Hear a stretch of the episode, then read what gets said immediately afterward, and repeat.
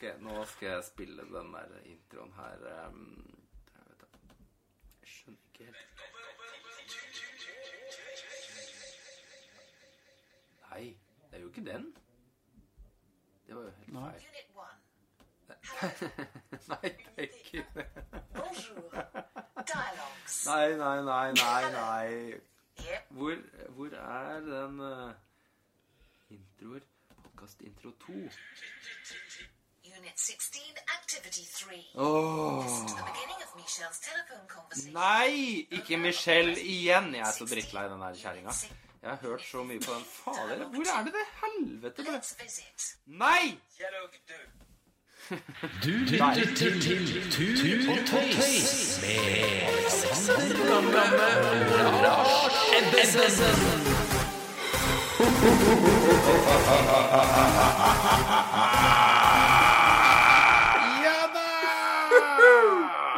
Ja? 15, Activity 8. Nei! Listen to Michelle talking Hvor to er- Agnes.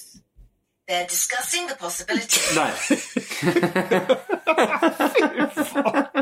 Den, Jeg skjønner ikke hvorfor denne franskdama skal komme etter den podden. Det er noe når jeg trykker på, uh, dobbeltklikker, og den ligger i Dropbox, så starter liksom bare uh, alt annet i, i, i iTunes rett på. Men, men nok om det, da. Velkommen, uh, Lars. Velkommen. Forsiktig med det der på bordet Ja, nå- igjen. ja. Nå starta du med et sånt der jæsklig knepp. Ja, men ingen som hørte det. Det er ingen som hører hver gang du klager på meg, vet du. Så er det, ikke, det er ikke et knust uh, på båndet. Nei, det er kanskje ikke Eh, Vi bruker kanskje ikke bånd. Som du kanskje hørte, da, så har jeg ikke Jeg har ikke jeg har, Det er den samme introen. Beklager, Lars. Jeg lot som jeg ikke hørte den. Men jeg likte jo det franske innslaget med, med, med at du da til slutt prøver å bli liggvist Ja, altså, øh, kanskje vi skal synes du vi skal legge inn hun, liksom? En fransk variant her? Bonjour. Bonjour! Ja. Vi vil ta deg over fjellet. Does your dog bite? ja, tulledø, ja. No. Eh, Litt eh, frankofil eh, Litt frankofil intro. Nei, jeg tror vi lar den jeg, Vet du hva, jeg lover, jeg skal skjerpe meg. Men det har vært, så, eh, det har vært litt mye i det siste. Jeg har ikke fått sitte og klippet på mye sånne der kreative planer. Lars, hva skjer om dagen?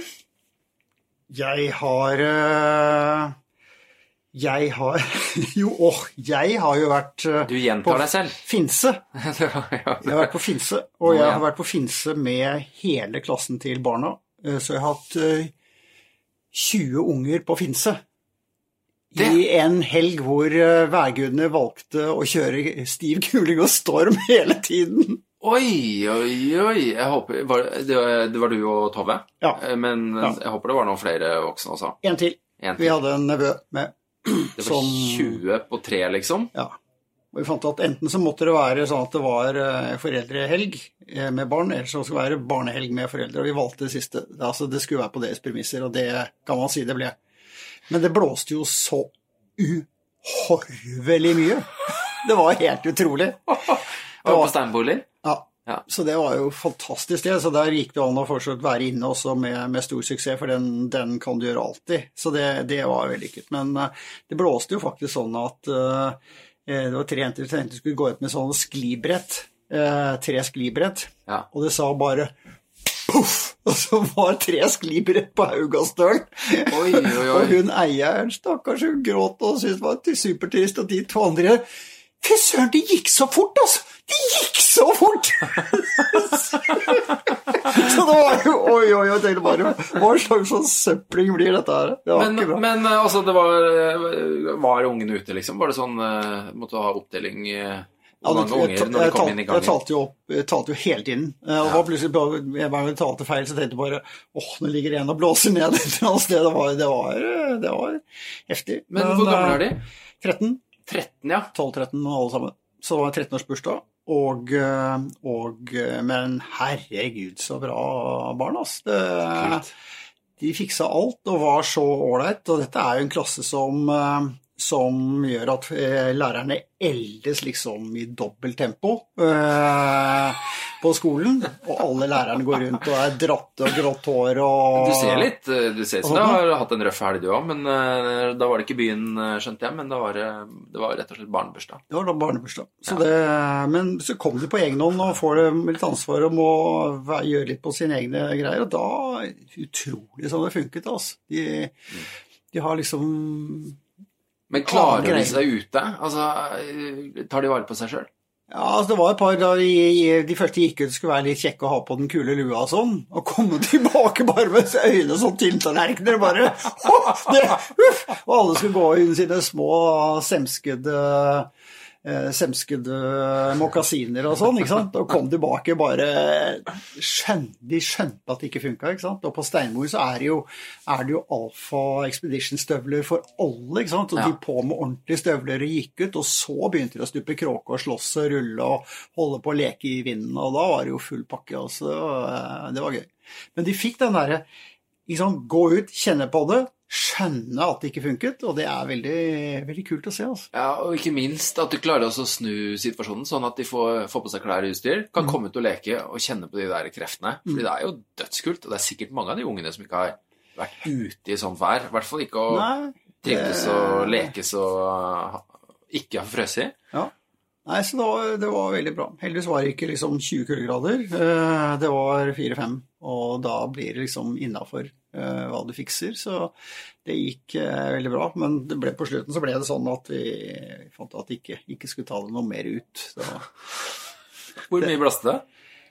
det var Fire sti, en sti, stiv kuling, eh, liten storm i, i sjiktet der. Sånn eh, midt på 20-tallet, litt, eh, litt oppover eh, der. var 24 til 26 liksom på det hardeste. Og så lå det jevnt eh, rundt 20.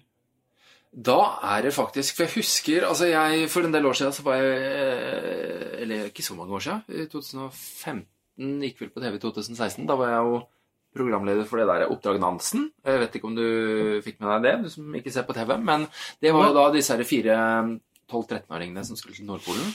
Gå i Nansens fotspor. Poenget var at når vi trente på Svalbard så eh, når vi lå litt sånn oppi dalen der, og det kom litt sånn ruskvær, så, så hadde vi campa da i et sted hvor vi fikk en sånn latterlig trakteffekt når fallvindene kom ned fra breene.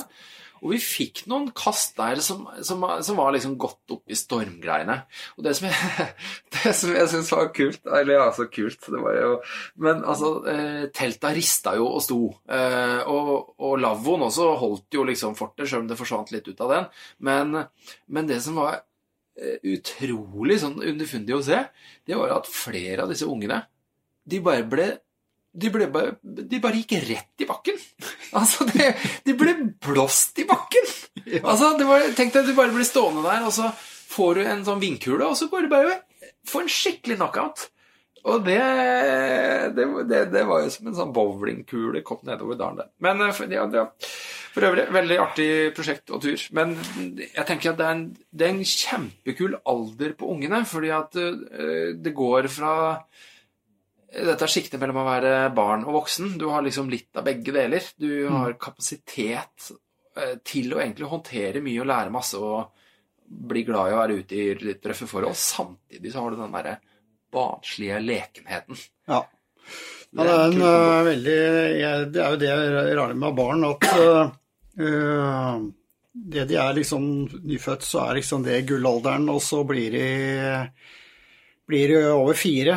Og da skjønner vi gutta at liksom vi, vi er med på leken, vi også, så da er det en liten gullalder. Men så blir de litt eldre, og da er det en gullalder, og alle sier bare 'bare vent til de blir', sier han. Og nå, nå er de 12-13, som for noen år siden var liksom 'å bare vent til de blir' begynner på tenårene. Men nå er det vent til de blir sånn 14-15. Nå er det det som er så hele tiden. Alle som har barn, de skremmer folk med neste steg. Ja, men det, ja, det tar jeg meg litt i. Sånn er det sjøl. Er ikke det sånn standard at når du prater med folk som har eldre unger, så, så forteller du om hvordan du har det nå, og det her er kult, og det her er litt trått. Og så er jo det en sånn standardfrase som du møtes med. Altså, sånn, ja, men bare vent. Bare et vent. år. Det blir så Ja, enten bra eller da- ille eller da eh, tenker jeg sånn funker det. er jo ikke én alder som ikke er kul. Nei. Og, og det, det er liksom sånn, og det er jo øh, litt det som er fantastisk miljø. Jeg husker liksom folk Å, det skal bli 20 år, ikke sant. Ja. Det er liksom Det er nesten over, ikke sant. Så er 20-åra er jo ikke dumme. Nei. Ikke sant? Og så er du ferdig med 20-åra. 30-åra er jo virkelig en gullalder. Ja, de er fine. De er jo veldig fine. Og så tror du at nå er vi 40, nå er det helt slutt. Nei, det var jaggu ikke gærent, det heller. Liksom. Men så er du 50, da. Det er liksom sånn hva skjer da? Åh, ja, du vet ikke det, det, nei. Nei? Ja, ja, ja. Bare, det, det er, nei, det er ikke noe bra, nemlig.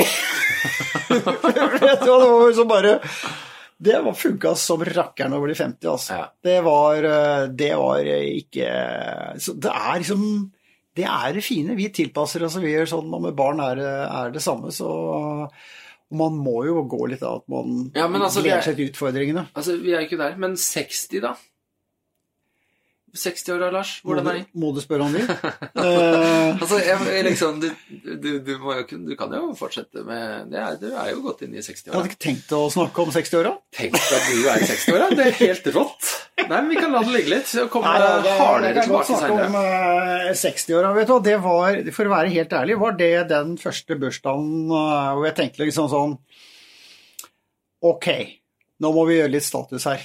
Eh, nå må du tenke litt. Grann, Ja. For nå Altså, eh, hvis du ikke har skjønt at du er over midten når du er 50, så er det i hvert fall uh, ikke så vanskelig, selv om jeg var veldig dårlig i matematikk, men selv jeg skjønner liksom at, at det liksom det er mindre igjen nå, da.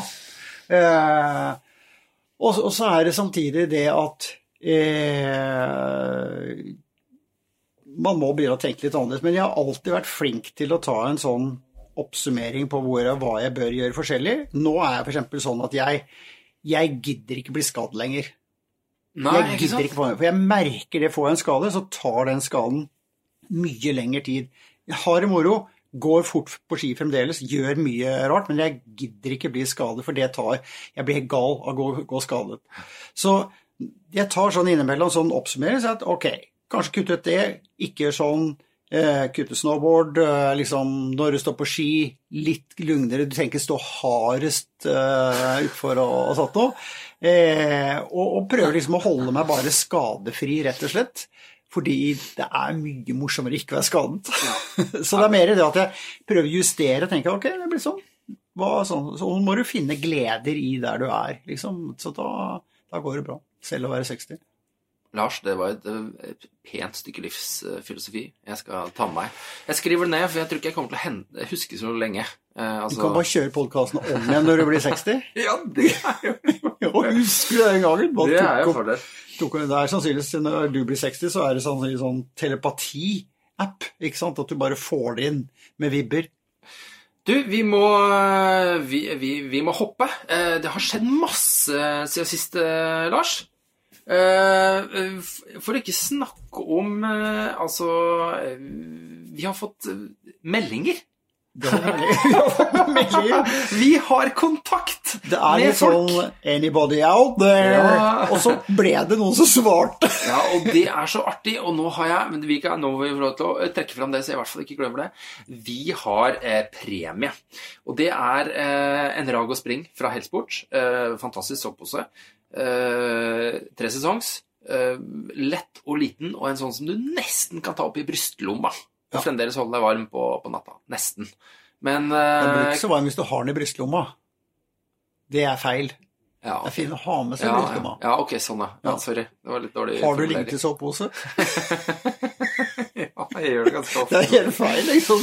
Ja. Det sånn, den skal, du skal oppi den, skjønner du. Den skal Den skal ikke oppi Skal deg. oppi den. Ja. Ja, greit. Men vi har i hvert fall premie, og hvordan kan folk vinne den premien?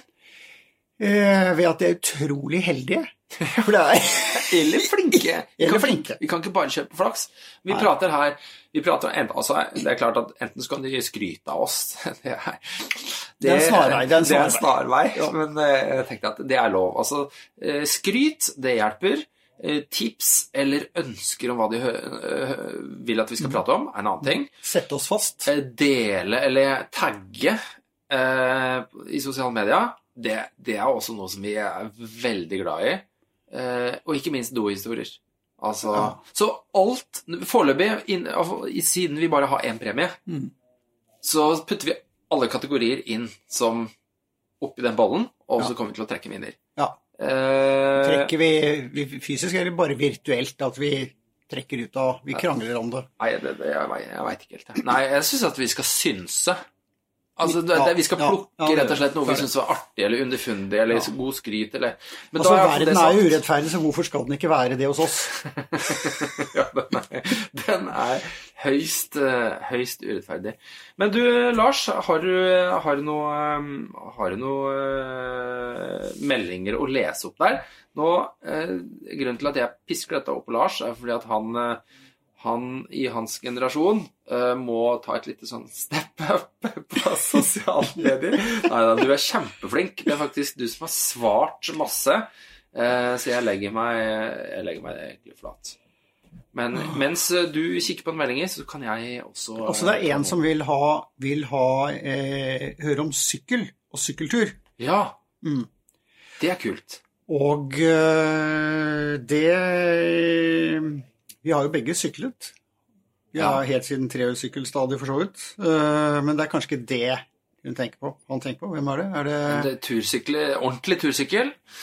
Jeg, eh, her lukter det at vi må ha en eh, artig tursykkelgjest med oss, Lars, sjøl om vi har vært ute og sykla litt. For jeg er, jeg er litt sånn russ... Altså, jeg er ikke noe ekspert på lang tursykling. Nei, det er en helt egen greie. Jeg hjalp en fyr som skulle sykle til Sydpolen et år. En Juan fra Spania. Ja. Eh, og eh, han var med til Grønland eh, og hadde med sykkelen for å trene. Og hadde med sykkelen sin for å krysse Grønland med sykkelen. Men vi var veldig sånn at hør her, vi gidder ikke leke med det hvis ikke det er en skitur med sykkel. Hvis det er en sykkeltur med ski, så, så har vi ikke noe tro på det. Så han hadde sykkelen sin liggende oppå pulken. Og det kom opp gjennom brefallet, det var høsttur, og begynte å sykle eh, rett overfor brefallet. Og da var det hardt og fint. Og da Det var helt jævlig. Da syklet han sånne sirkler rundt de som gikk på ski. Han bare syklet rundt og rundt, og de flyttet seg på. Han gikk i bane rundt dem som en sånn der satellitt inntil det ble dypere snø. Og så hev han sykkelen på eh, pulken og, og dro den med seg det meste av den turen, for det var for dypt og tungt å sykle. Så hastighet, Men da fikk han testet ut dette, og så prøvde han seg i Antarktis eh, et par år etterpå. Og eh, da syklet han vel bare ca. 30% tror jeg det er av Og så gikk 30-40? Så gikk han resten på ski og hadde pulk, den oppå. Og da var det en som syklet hele veien, som lagde masse bruduljer og styre og sutret og prøvde å ditche den og sånn. Fordi, men han hadde jo masse depoter og gikk tom for mat, og de måtte kjøre ut mat med snøscooter og holdt på, men han syklet hele veien. Men han hadde jo ingen vekt med seg i det hele tatt. Eh, Men jeg, han gikk unsupported eh, hele veien og hadde med seg alt og kom seg frem og brukte sykkel der det var bra å bruke sykkel, og funket kjempebra. altså.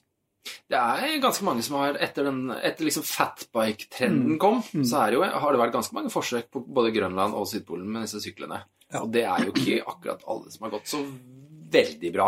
Nei, de, det er en jente som syklet inn med en sånn trisykkel vet du, med tre hjul, hvor du ligger nede og, og, og sykler. Trehjulssykkel. Ja, på en måte. Sånn. Eh, og hun skulle heve seg på og sykle, men hun syklet jo den der eh, Laveret, Ja. den med sporet, ikke sant. Så de passet på at de var ikke så langt etter det der beltebilene. Og så hadde hun to biler ved siden av, eh, kjøretøyer ved siden av med, med alt sammen. Eh, og trakk jo ikke noe selv og klarte å sykle, og da tenker jeg liksom Flott, men? Første til Sydpolen på trehjulssykkel. med to biler, følgebiler. det, I, i, på brøyta sti. Ikke sant? Det blir liksom sånn det er jo et kult prosjekt, eh, for så vidt. ja.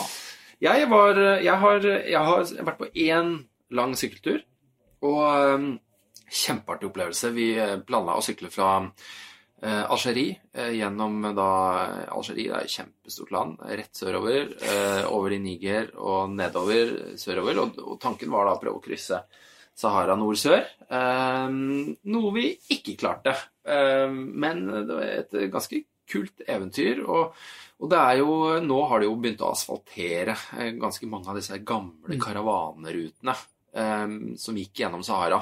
Så det har jo alltid vært på en måte mulig å sykle, for mye av Sahara er jo steinørken. Det du ser på øh, bilder om sånne Donald Duck-dyner osv., det er jo bare sånn Det er jo sånn øh, Det er i Namibia, det. Ja, da, der har du noe fantastiske med øh, sanddyner. Verdenskjente sanddyner. Men det er jo litt sånn Disneyland når det kommer til de der Donald-sanddynene ja, i Sahara. Mesteparten av Sahara er jo, er jo steinørken, men, men vi sykla tandemsykkel. Og det må jeg få lov til å benytte anledningen til å slå et uh, ellevilt høyt slag for. Uh, tursykling med tandem. Altså fantastisk. Men vi sykla jo i fem uker eller noe sånt, og jeg er fremdeles stiv i ryggen. Det er ti år siden. Ja. Sår på ballene. Ja, du er det, ja. Sandkorn imellom. sandkorn uh, nedi sykkelshortsen. Og genialt. det, det, det var ikke noe høydere, men uh, Men det går jo an å sykle andre steder enn i en ørken, har jeg hørt. Ja. Uh, og, men det der med tandem er, er stilig. Altså. Det er samme som når du padler og padler en, en dobbeltkajakk. Ja. Det er jo helt fantastisk. ja. Fremdriften, tema, snakke sammen, jeg mener hele Det er jo veldig ålreit, altså. Vi må Så- ta opp uh, tursykling på uh, Dedikere i hvert fall Ja, vi skal app, gjøre, uh, nei, gjøre en litt app, eh, En, en pod. Ja, nå ble, app. vel, nå ble vi så seriøse. Vi må ta det opp på en litt løsere måte. Det med sykkel. Du, her har vi en melding fra Astrid. Uh, her, Ett av mange spørsmål. En nysgjerrig Norge på langs Nei, det var ikke Astrid, det var Mats Jørgen. Uh, ett av mange spørsmål. En nysgjerrig Norge på langsvandrer. Uh, han ligger da nord for Saltfjellet. Han ligger værfast. Hva er den viktigste egenskapen å ha når en er ute på tur alene i to-tre måneder? Og den skal vi omgå i sin helhet akkurat nå. Fordi det også, det der mentale aspektet med, med tur, det, også, det er så stort at det skal vi i hvert fall ha en egen pott til. Ja. Nå Men, ligger jo eh, han værfast og har et behov for å svar litt fort. Ja, sorry, Mats Jørgen. Men én ting da, Lars. Skal vi hamre på én ting hver? Hva slags egenskap eh, bør han tilegne seg lynkjapt der han legger værfast nord for Saltfjellet? Ja, det som er helt klart at Hvis den ikke, egenskapen ikke er trigga allerede han kommet helt til Saltfjellet, så tror jeg ikke det er noe håp for den, rett og slett. Nei, men snu du- det opp ned òg. Har du kommet dit, så har du det du, Ja, du har det som skal det er til. det Du, da har du det som er, og, og da er det egentlig bare at du har definert det, og viljen til å gå inn i det å være alene og nyte det fantastiske der. Altså det, Og så tenker jeg, Han ligger jo der aleine, men han har jo da tydeligvis hørt på oss, så han har jo kontakt med omverdenen. Og det vil si at du, da, du, du får da fylt på litt eh, stimuli uh, med det å være aleine. Det tror jeg er sabla viktig. altså. Du må på en måte få noe når du holder på eh, Se på snøkrystaller og skyer til du holder på å gå på veggen. Da er det greit å ha tur og tøys på øret. altså Tur og tøys er den beste vennen, det er, det, det er helt uh, klart. Men i utgangspunktet så, så tror jeg en av de viktigste eh, greiene når du er, eh, er på tur, og spesielt når, er at du kjører dagen din. At du har disiplin til å kjøre dagen din, for du må ha effektivitet. Det er ikke noen som sier 'kom igjen, Hans Jørgen'. Ikke sant? Det er jo ikke der. Du har bare deg selv til å få i gang og gjøre dagen eh, ordentlig, og så heller nyte den, hva du enn måtte finne på. Du må høre på podkast på kvelden eller hva du vil, men eh, passe på at du er flink til å, å lage en bra dag, altså. Og det, er, og det er så viktig. Og så tenker jeg at eh, du må på en måte Jeg, jeg kaller det å gjøre seg fortjent til middagen. Mm. Altså uansett vær og vind og forhold osv. Kom deg ut, gjør en hederlig jobb, Ja. og så kan du krype inn igjen og spise middag. Fordi ingenting er mer utsykende, spesielt når du er aleine, enn å begynne dagen med å dvele om skal, skal ikke. Det kan ikke stå der. Du må bare ha morgensrutinene inne. Ikke tenke. Du må få i deg frokosten, pakke sammen, gå på do, pusse tenna, pakke sammen og bare begynne å gå. Og gjøre det du kan. Mm. Ja, det jeg sier, liksom, du må inn i den greia hvor, hvor hele rutinegreia bare kommer automatisk. Ja. Hvor du går, går i den. Ok, så er det en dag det ikke går an å gå, det, det kan jo skje, men du må inn uansett. Vær inn og gjøre den. Du aldri dele. Det er derfor jeg sier jeg er på tur. Jeg står ikke opp seks, jeg står opp fem på seks. For fem på seks er fem på seks. Seks er sånn yeah, six-ish, Ja. liksom. Og du, det er ikke noe ish på, når du er på, på tur og sånt, noe. du skal liksom ha, gå den dagen og gjøre deg fortjent til middag. Veldig. Vet du hva jeg kom på, Lars? Eh, Det er kanskje en litt sånn digresjon, men jeg kom nå på den. Så jeg valgte den egentlig bare å Men eh, jeg, tenker sånn Hvert år så leser jeg på Explorers Web eller andre sånne eh, ekspedisjonsnettsider om polare ekspedisjoner som bryter på grunn av unormalt ekstreme forhold. Og det her syns jeg er sånn artig. Fordi det ligger så mye inn i det der teppet der. Altså, Hør etter hva jeg sier. Hvert år, hvert år leser jeg om ekspedisjoner som avbryter, og så siteres de på uh, The conditions this year was totally extreme. Eh, men vent nå litt. Når hvert år har forhold som er helt Tenk deg hvordan det blir, da. Ja, altså, hva er det som er feil, da? Er det forholda, eller er det de, kanskje, som er litt sånn Fordi at det kan ikke være sånn hvert år så er det helt ekstreme forhold. Da er det jo det som er vanlig. Det er jo det du må være preppa på. Men det er det si at da, akkurat var ikke de, da er de ikke forberedt godt nok. Jeg elsker det temaet der. Og, og, og det er jo akkurat den der biten, eh, biten som Jeg kan ikke sn- snakke nok om det. Og det er, det er patetisk, ikke sant. Folk, men det betyr at folk er ikke klare i huet sitt. De har ikke gått ned worst case-greiene. De har ikke, ikke forberedt seg ordentlig. Og, og det mest eklatante eksempelet jeg vet om, det var da Johanna Davidsson svensk, men vi, vi liker å lage henne litt Ja, norsk, for hun bor i Tromsø, så hun er litt norsk. Ja, Sjuksköterska. ja, eller sykepleier, for å si det på noe godt norsk. Ja. Så hun, da hun gikk, så var det helt fantastisk opptur, fordi eh, alle de andre, det var andre som skulle sette rekord og bli raskeste kvinne inn og sånt noe det året, og hun begynte egentlig bare å gå, og så så hun at oi, hun gikk jo 30 km mye fortere enn hun hadde trodd, og så, og så satte hun rekord til slutt. Mens, mens alle de andre ringte inn til ALE hver eneste kveld, som du må gjøre, og så å, det er så håpløst, og det er så mye vind, og det er så dårlige forhold, det er så mye sastrugi, og det er så vanskelig, og det, er, det var ikke det det var altså Condition has never been like this, akkurat som du sier. Og hver gang Johanna sa sånn eh, En fantastisk dag! Det her var jettebra! Det var underskjønt denne dagen! Ja. Eh, og bare sprudlet over. Og sånn ah, Sastrugen er at De er så gullige! Ikke sant? Og de andre Var det dag tre eller nei, det var, det dag 25, ikke sant? Og, og alle bare sutret, og hun bare koste var det, elsket å være der eh, og sånt noe. Og satte jo rekord, selv om hun hadde det tøft på slutten. Og det tror jeg er den der mentale eh, greia. Fordi da har du egentlig forventa at det skulle være verre. Og det er det, hvis du har, hvis du har preppa deg sjøl på og trent på worst caser Mm. Som er verre enn det hverdagen på sånne turer blir, da har du så mye buffer, du har så mye å gå på, og du får nemlig den følelsen av at hei, det her er jo øh, høyst overkommelig, det er jo fint, jeg trives, og jeg kan, er preppa på alle mulige scenarioer som er mye verre enn det. Det minner meg om at øh, faktisk jeg leste noe for lenge siden hvor øh, det var øh, et klassisk sånn mentalt øh, eksempel som har blitt brukt mye, hvor det var en haug med folk som var skipbruddene på en øde øy. Ehm, det, var, ehm, det var ikke Castaway og Wilson, men øh, det var da masse folk. Og det var da så lite mat, og de spiste rå, rå fisk og råtten fisk og bare sånn der, ikke sant, helt minimalistisk. Og da var det en person som var så flink til å framsnakke det lille han klarte faktisk å få i seg, at han skrøt av maten mens andre kasta opp. Og, og så viste det seg at han var da en av eller en av få som overlevde, og han var kanskje en av de ytterst få som hadde klart seg veldig bra. Og så kan man si Hadde det noe med å gjøre at han faktisk framsnakka og prata og 'Hei, her er en liten råtten sardin. Å, jeg gleder meg til en fantastisk middag. Skal jeg skjære halen og ha den som forrett, og så tar jeg tarmen og rognen som middag. Hurra meg rundt, så heldig jeg er.' Ikke sant? Det er noe med det derre eh, mentale bildet av situasjonen du setter deg inn i, og det virker som Johanna takla det veldig godt. Ja, veldig bra. Men for å oppsummere da, til Jørgen her. Ja, da, men jeg tror det er akkurat det positive der er, er noe av det viktige. Du kan jo tenke deg når du er i en gruppe eller alene, da, når du går ned og blir sur og sånt noe, det er så mye dårlig bruk av energi, ikke sant.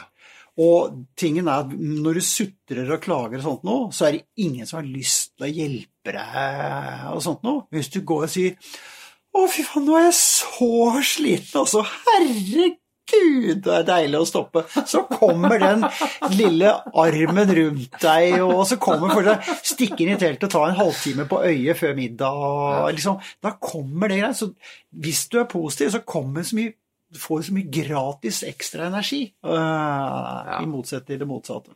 Mats Jørgen, eh, vi oppsummerer. Eh, spenn på deg disiplinen om morgenen, så du ikke begynner å lure på om du skal bruke dagen på å stirre i teltveggen, fordi det er det jævligste, mest utsykkende som finnes aleine på tur. Kom deg ut, gjør en hellig jobb.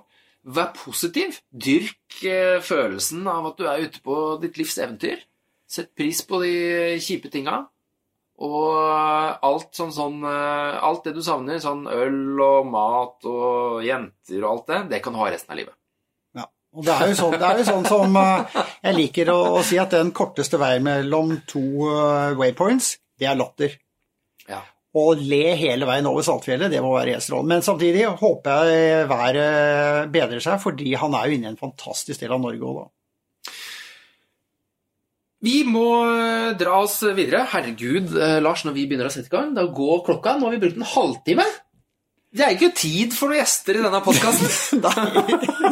nei nei og nei, hva skal vi gjøre nå? Skal vi introdusere gjest, eller skal vi bare Nei, har du ikke flere spørsmål? Var Jo, det det eneste vi fikk? Nei, vet du hva? Da, vet du hva? Vi, da hopper vi over gjest i denne podkasten, Ja, og så det kjører vi på med flere. Ja. Da Det, det hende- skal vi si til den køen på utsiden av døren her at vi ikke vil snakke med dem? Nei, vi, vi bare lar dem stå. Eh, Da skal jeg gjøre en liten sånn mark her, for jeg skal Sånn, ja. Da klipper vi bort akkurat den, delen der. Vi har eh, flere spørsmål, eh, Lars, og her er en melding fra mm, Karen. Ikke helt ukjente Karen.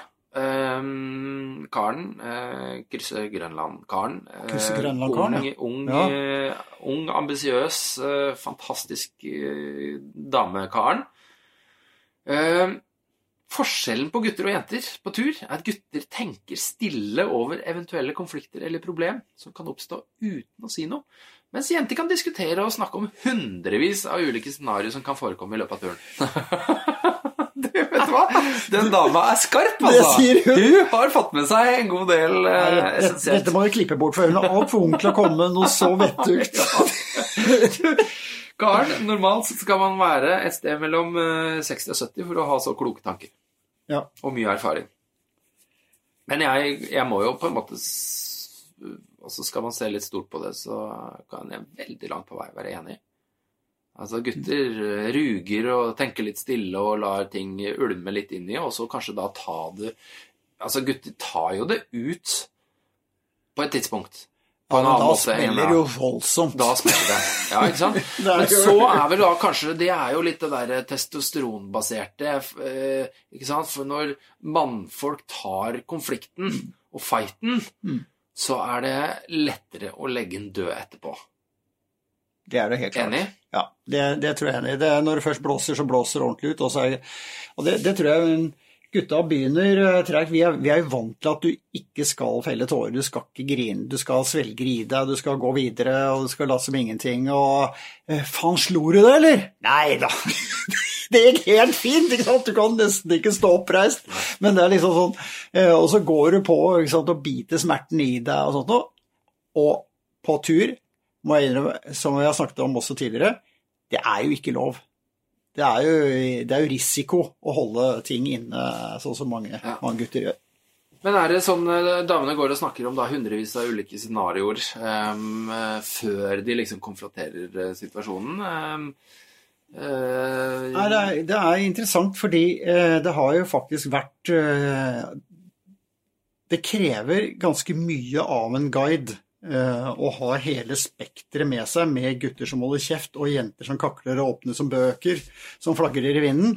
Eh, og det har vært guider som har klart å mistolke eh, jenters åpenhet og skravling og sånt noe, til å la det gå mot dem, rett og slett. Og og tolke det som de passer ikke inn, og de er ikke sterke nok og kan ikke ha det med. Og, sånt. og det er jo komplett feil. Så det krever, når du er på en guidet tur, eller ikke guidet tur, men hvilken som helst, krever at du skjønner at det er folk med forskjellige kjønn som er med. Altså. Vi har fått inn en annen eh, refleksjon rundt forskjellen på eh, jenter og gutter på tur. Det her er fra Lars. Han, har, eh, han proklamerer ingen sannheter, men han deler da noen erfaringer. Vi gutter er særs gode på å bygge opp irritasjon over lengre tid. Lageret sprekker gjerne når blodsukkeret er på bånn. Det kan vi kjenne oss igjen i. Sekken gnager på ryggen, og motbakkene virker endeløse. En vokal eksplosjon av usakligheter rettes presist mot turkameratens svakeste punkt. Pure evil, skriver Lars. Eh, og så drar han seg litt inna, men altså, heldigvis så sitter en unnskyldning løst et par dager seinere.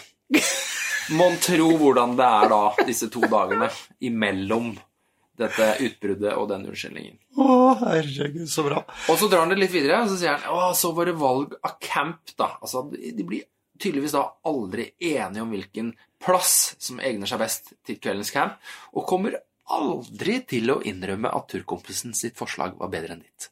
Aldri. Selv om det er åpenlyst.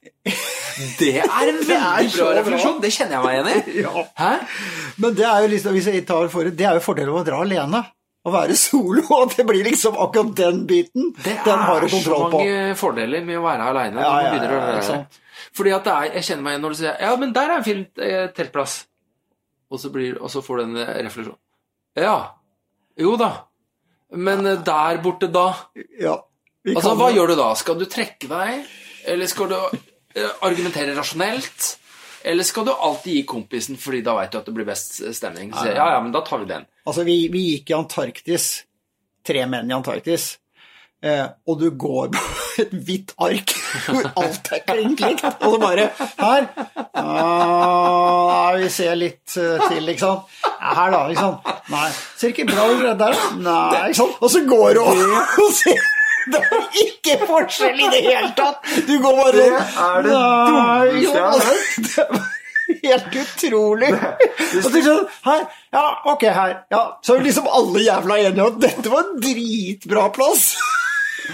Fy Hvis du ender opp med å krangle om eh, hvor teltplassen skal være i Antarktis, da eh. Han har jo helt rett. Ja, det er fantastisk. Men han er ikke ferdig. Eh, og så har vi navigering, da. Den evige uenigheten om veivalg. Uansett hva både kompass og kart sier, vet vi selvsagt langt bedre idet vi trasser oss gjennom vierkratt, flomstore elver og søkkvåte hengemyrer.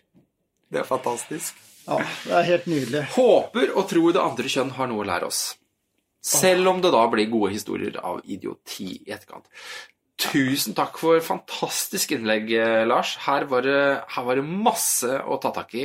Dette var jeg, nesten nok til en hel podkast. Jeg tror de aller fleste mannfolk kjenner seg igjen i enten det velger camp, eh, navigering eh, og liksom det der hvordan den der stillheten senker seg etter at du har trumfa gjennom ditt veivalg, men du skjønner at dette her var så Helt jævlig dårlig! Ja, det var så feil. Og du drar hele teamet eller guttegjengen ut på en lang omvei. Og du kjenner liksom at det kommer til å bli minst to timer ekstra i beina. Bare fordi du har vært en jævla dust med kartet. Uff. Nei, uff. Men du trenger jo ikke gå i norsk natur, som jo er masse veivalg. Jeg husker på Grønland et år. Dette var midt på ja, slutten av 90-tallet. Da hadde det vært OL i Nugano. eh, Eller var midt under det. Og, og da, da var det en som tidlig på, på sesongen, Hallgrim, han hadde hatt en kjempeblemme i navigeringen, og han klarte å navigere i sirkel. Så vi måtte løpe etter på de for å få tilbake. Det var bare sånn katt og mus-lek. For, å få- for han så vi folk nærma seg og stakk jo enda raskere, så det ble helt hysterisk. Så godt inn i turen på Mosjøen så fikk vi whiteout, og så spør han om han kunne få gå foran. Så han skulle gå foran for å reise kjerringa, og så går han foran, og så sitter vi i teltet med middagen etterpå. Og han hadde jo ikke gått veldig rett, for å si det sånn. Eh, sitter vi, og så sier han bare Ah, dette var den beste dagen. Endelig fikk jeg reist kjerringa med navigering. Det gjorde så godt å komme tilbake på banen. Og så kommer det sånn mutt fra han der tredjemann på turen bare Ja, mens, mens du nevner det, så ringte de på satellitten fra, fra Ole Nagano og lurte på om du kunne stikke storslalåmløypa deres. Så utrolig! Det var ordentlig sikksakk. Du, vet du hva? Jeg, jeg, eh, bare når jeg sitter her nå, så kjenner jeg begynner å bli sånn klam i hendene. Fordi at jeg sitter nå. Jeg satt nå og vurderte. Skal jeg fortelle, eller skal jeg ikke? Altså, vi prater om Vi klipper Eh, det bort, vet du. Bare si det. Nei, men, ja, men altså, vi trenger ikke Jeg trenger ikke det. Jeg har, jeg har bestemt meg for å å- vi kan, vi kan fortelle den. Altså, vi prater en av mine aller største turtabber. Å, Er du klar? En classic. Altså, ja, dette her er faktisk Det tok, det tok noen år før i hvert fall jeg orka å fortelle det. Nå må vi ha en liten, nå må vi ha hatt en liten jingle. Ja. Skal vi jingle litt? Jingle, jingle, jingle, jingle. Altså, egentlig så burde vi kjørt en sånn derre Den derre Benny Hill. Det er omtrent Ja, sant, sant, Det, det, Vi er på det nivået. Ja, sånn Ja. Sånn, ja. Det, får vi, det, det er kjempebra forslag. Det skal jeg se om jeg klarer å fikse. Ok, eh, her prater vi eh, Ta, min ta den, omtrent sta, ta den start-jinglen først, du. Ja. Vi skal eh, Du, eh, Ja, er eh, min største Jeg tror vi kan inntil videre eh, sett, ta den ut som min største tabbe. Og det er når vi er inne på navigering. Altså, for de som kjenner meg Jeg er jo ikke akkurat født et levende kompass. Altså Det er en grunn til at med en gang det kom sånne digitale kompass og bærbare eh, GPS-løsninger på klokker eller på høreapparat eller på PC-er eller hva som helst Altså, jeg, jeg kjøpte det fordi jeg trengte det. Altså, Når jeg går da, skal ned på T-banen, og du går sånn der, eh, 180-270 grader ned, så har jeg endt opp flere ganger tatt T-banen i feil vei. Ja. Så uh, håpløs er jeg, men så har jeg stort sett alltid vært ganske åpen om det. Så når jeg er på tur med andre, så sier jeg at jeg er dårlig på å navigere. Hvem har drevet orientering her? Og så trekker du med deg en person som er flink, som du stoler på. Men uh, en gang så skulle jeg guide et firma over Besseggen. Lukter du, eller? Ja.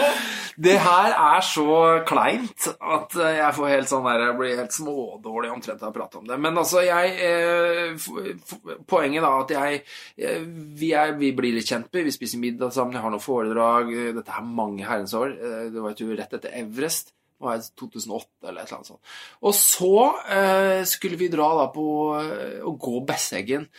Og veldig god stemning. Eh, 20-30 stykker. Eh, vi trasker oppover. Altså, det er jo ikke akkurat så veldig spørsmål om hvor du går når du går eh, fra Memrebu til eh, Gjennesheim. Um, og så begynner vi å traske, og så legger tåka seg. Og det blir så tett tåke at det knapt ser en eneste meter. Og, vi, og, og hvis du husker, så er jeg jo helt oppe på halvveis omtrent, så tar vi lunsjpause.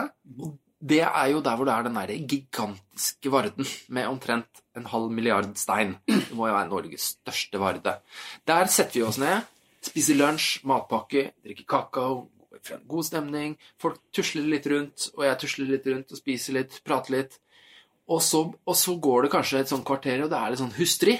Og, og det er fremdeles ti meters sikt. Så begynner noen å bli litt sånn utålmodige, pakker sammen, begynner å, å liksom eh, stirre litt til høyre og venstre, og så begynner de så smått å begynne å gå.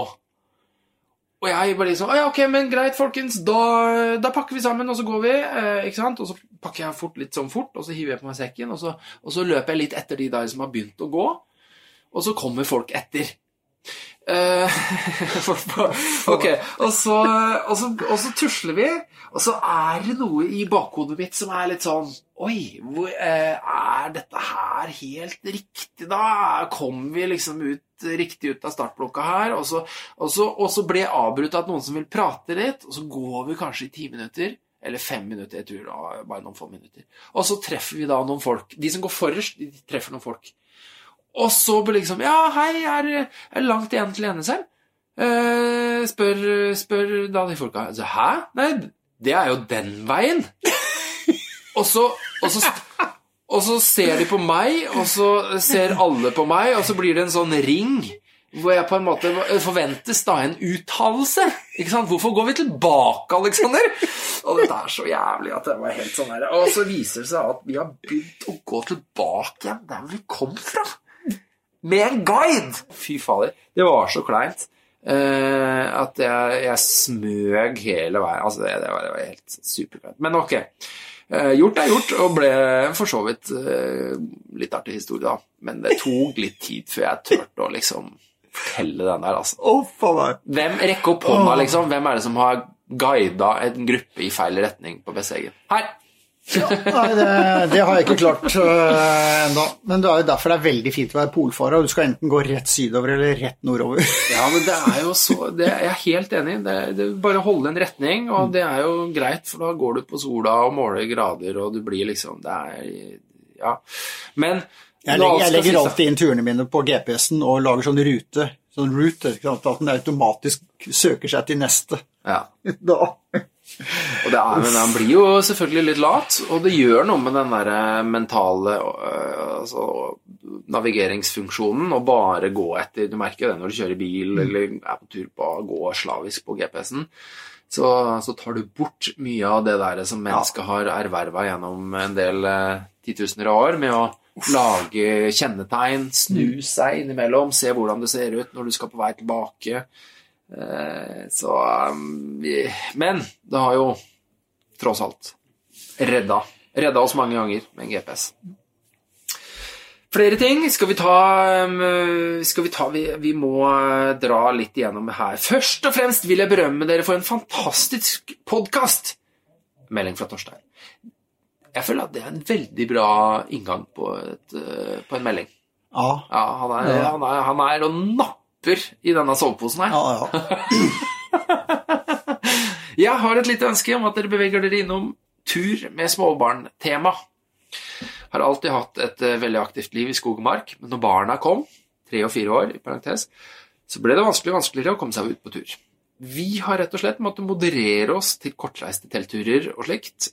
Ønsker veldig gjerne tips til f.eks. hvordan vi kan legge opp turer med barn over lengre tid, og ikke minst tips til hvor man kan ta ukesturer med så små barn.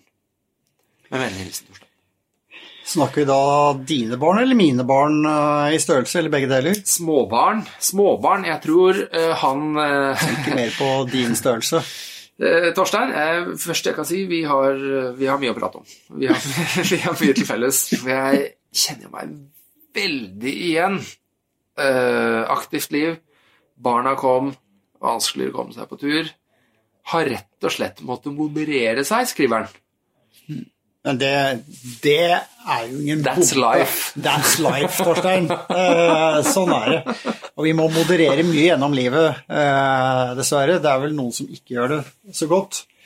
Eh, men det I utgangspunktet så trives barn veldig godt i telt. De liker Altså, dess mindre plass du har, dess mer, tettere det er familien, tettere bånd familien har, dess bedre. De liker den der hulegreia. Så utgangspunktet for tur med barn er kjempebra. Det som er klart, det er at forflytning De vil gjerne være i teltet hele tiden. Eh, og da er vi inne på, på et par viktige temaer. Og, Hvis du skal fortsette å prøve klø deg sånn på ballene, jeg hører det gjennom eh, Skulle mikrofonen. ønske jeg hadde baller så langt ned som kne, men, eh, men eh, Ja, unnskyld. Det var bare den scratchelyden min. jævlig vonde, vonde stoler her i studio i dag. Ja, det, det, Lars klarer å sitte eh, med stille 38 minutter av gangen. Men ok, det er, fortsett resonnementet, Lars, for jeg tror du er inne på noe kjempeviktig, Ja. og kanskje hoved... Ja, og her, det som gjelder, som jeg måtte lære meg, og igjen så er det min, eh, min fru Tove som, eh, som har fillerista meg så fælt. Fordi jeg begynner å si Sett i gang, og vi skal nå det, og ditt og datt, og, og sånt noe. Men hun er sånn ut av parkeringsplassen eller ut av startblokkene, og så går det sju minutter, så stopper hun, og så er det første stripa med Kvikk Lunsj. Og det er ganske viktig, for her snakker vi En ting er at vi som voksne har dalende blodsukker, som vi hørte i tidligere innslag her, og sånn, men, men for barn er det ekstra viktig. Altså. Det er, du må stoppe ofte, du må stoppe tidlig, du må få i gang det der. der og Du må passe på at de har energien. For Det er veldig vanskelig å måle hvor mye energi og hva, hva som ligger i barn. Så det med ernæring, å stoppe ofte og gjøre det hyggelig og ikke være stressa og jeg er så dårlig på det. Eh, men det derre ikke være stressa når du stopper og sitte av det hyggelig og heller fyre en primus og gjøre sånne ting. Slik at det, det skjer ting, eh, og det blir jevnt godt med drikke og godt med spise og sånt noe. Ekstremt eh, viktig. Og ikke minst tid til å leke. Ikke, leke litt og tulle litt og klatre i et tre og prøve å hoppe over en bekk og litt, eh, litt sånne ting. Veldig, veldig viktig. Så det skjer andre ting. Og hvis vi ser litt stund på mål, sånn som jeg liker, sånn åh, Se på den fine vidden her! oi, Ja, du sier det til en seksåring. Ja, ikke sant? Ja. De bare ser utover eh, og som virker helt endeløst, ikke sant. Men hvis du sier Hvis jeg tar med barna, jeg tok med barna da de var små, på den alderen, og sier bare Klarer vi å komme på den toppen der? Ja. Så er det å gønne løs. Da ser de målet, og det er noe å jobbe mot, og vi snakker om veier og rundt der og oppover, og det kan være litt klyving og sånt noe. Da er de helt med. Så Det gjelder å få den balansen i at det skjer ting. Så du, du må ha et helt annet eh, helt annet fokus på tid og småting og krydder og sånt, og det er eh, fryktelig, fryktelig viktig. For det er jo, det er jo et sånt Nordbagga-syndrom, det her med at du skal, øh, du skal helst gå langt. Ikke sant? Og så er det noe med tid oppi dette også. Det er jo nesten sånn hvis du kommer på en DNT-hytte, og så man hilser på folk eh, ute i fjellheimen, det er jo veldig positivt.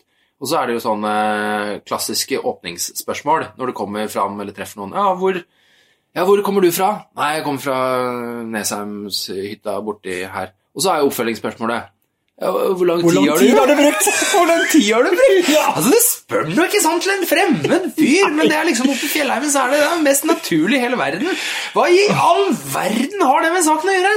Og, og når man er født opp oppvokst med det der, der, og så skal man få unger, og så skal du bare ta helt andre retningen, så ja, det kalles vel moderasjon. Å faktisk legge vekk klokka og legge vekk eh, kilometerne. Ungene vil bare leike og være og ha det moro og få jevn tilførsel med sjokolade og sukker. Jeg tror det er morsomt. Det er, mye å lære. Det er faktisk mye turglede å lære av et barn og komme litt av. Og det er som du sier, vi, er, vi har de dårligste genene for å ha med barn på tur. For vi er det derre den som har hatt det verst i påsken, har hatt det best. Vi, det, er, det er noe utrolig rart. Men når du har vokst opp i, i en steinrøys hvor alle gårder som kunne hatt liksom, de, de lagde steingjerder mellom seg, ikke sant? Eller hadde en fjord, ikke sant? Så vi hele vårt sosiale bo, bogrunnlag for å være på tur er jo helt eh, merkelig. Antennene våre de, de ble ikke bare kutta av, de begynte å vokse innover i lillehjernen. Og istedenfor å la barn, barn bestemme hvor skal det være, hvor fort skal du slå camp og, og leke deg fremover og sånt noe, det da, da blir det moro. Men vi må legge vekk klokka, vi må legge vekk stresset, vi må legge vekk framdriften og, og hva vi vil, og så må, vi, må de, barna være på tur, og vi være med dem. Du, vi, klokka går, og vi har jo ennå ikke kommet til saken. Kanskje vi skal bare slå oss til ro med det, Lars? Vi har tatt masse spørsmål eh, i dag, og dette løfter jo fram artige diskusjonstemaer mm. hele veien. Vi, vi, har, vi har jo premie fra Helsport. Eh, Tusen takk, Helsport. Eh, En Spring eh, Rago Spring sovepose. Skal vi dele ut den i dag, eller? Altså, vi, vi har fått noen Vi har fått noen artige innlegg, altså. Skal vi ta, trenger du betenkningstid? Jeg øh, trenger for så vidt øh, ikke, ikke det. Jeg syns det har vært øh, Jeg syns det var veldig bra spørsmål. Ja, veldig bra han, øh, Hva het han med betraktningen om menn? Det var Lars Lindland. Ja. Og jeg Riktig, og det er et eh, eller annet som stemmer med det navnet, på en måte. Du, eh, vi, vi gjør det fort, fort og gærlig og veldig rettferdig, men samtidig urettferdig. Vi er partiske og subjektive og eh, dediserer eh, Helsport rag- og sprengposen vår til Lars. Gratulerer, Lars. Tusen takk. Eh, På nei, vegne ikke av Lars. Lars. Nei, på vegne av. Lars.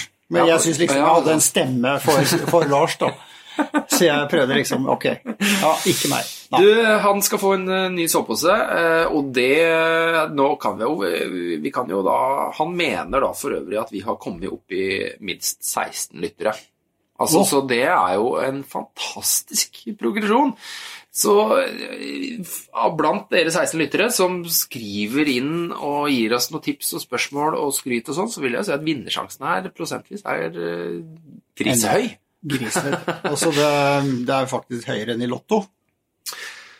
Dere 16, altså nå må jo Linn Nei, Lars, Lars han får jo ikke Kan ikke få enda flere premier sånn rett rundt hjørnet. Så da Dere andre 15, uh, vi har Instagram-konto, Tur og Tøys. Uh, vi har Facebook-side. Skriv uh, kommentar, melding, eh, pisk, skryt. Hva som helst, egentlig. Og dere er selvfølgelig med i eh, trekninga om fine premier. Eh, og inntil da så får vi vel bare sette camp.